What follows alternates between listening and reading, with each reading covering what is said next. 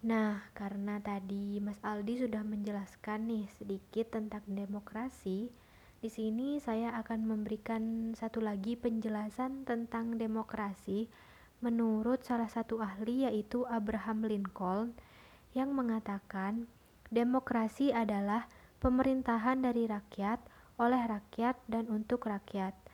Jika dalam bahasa Inggris yaitu government of the people, by the people, and for the people. Demokrasi sendiri memiliki banyak macamnya. Contohnya eh, demokrasi langsung dan demokrasi tidak langsung. Namun di Indonesia sendiri demokrasi bersumber dari Pancasila dan Undang-Undang Dasar 1945 sehingga sering disebut sebagai demokrasi Pancasila. Demokrasi Pancasila sendiri adalah demokrasi yang menjunjung tinggi HAM.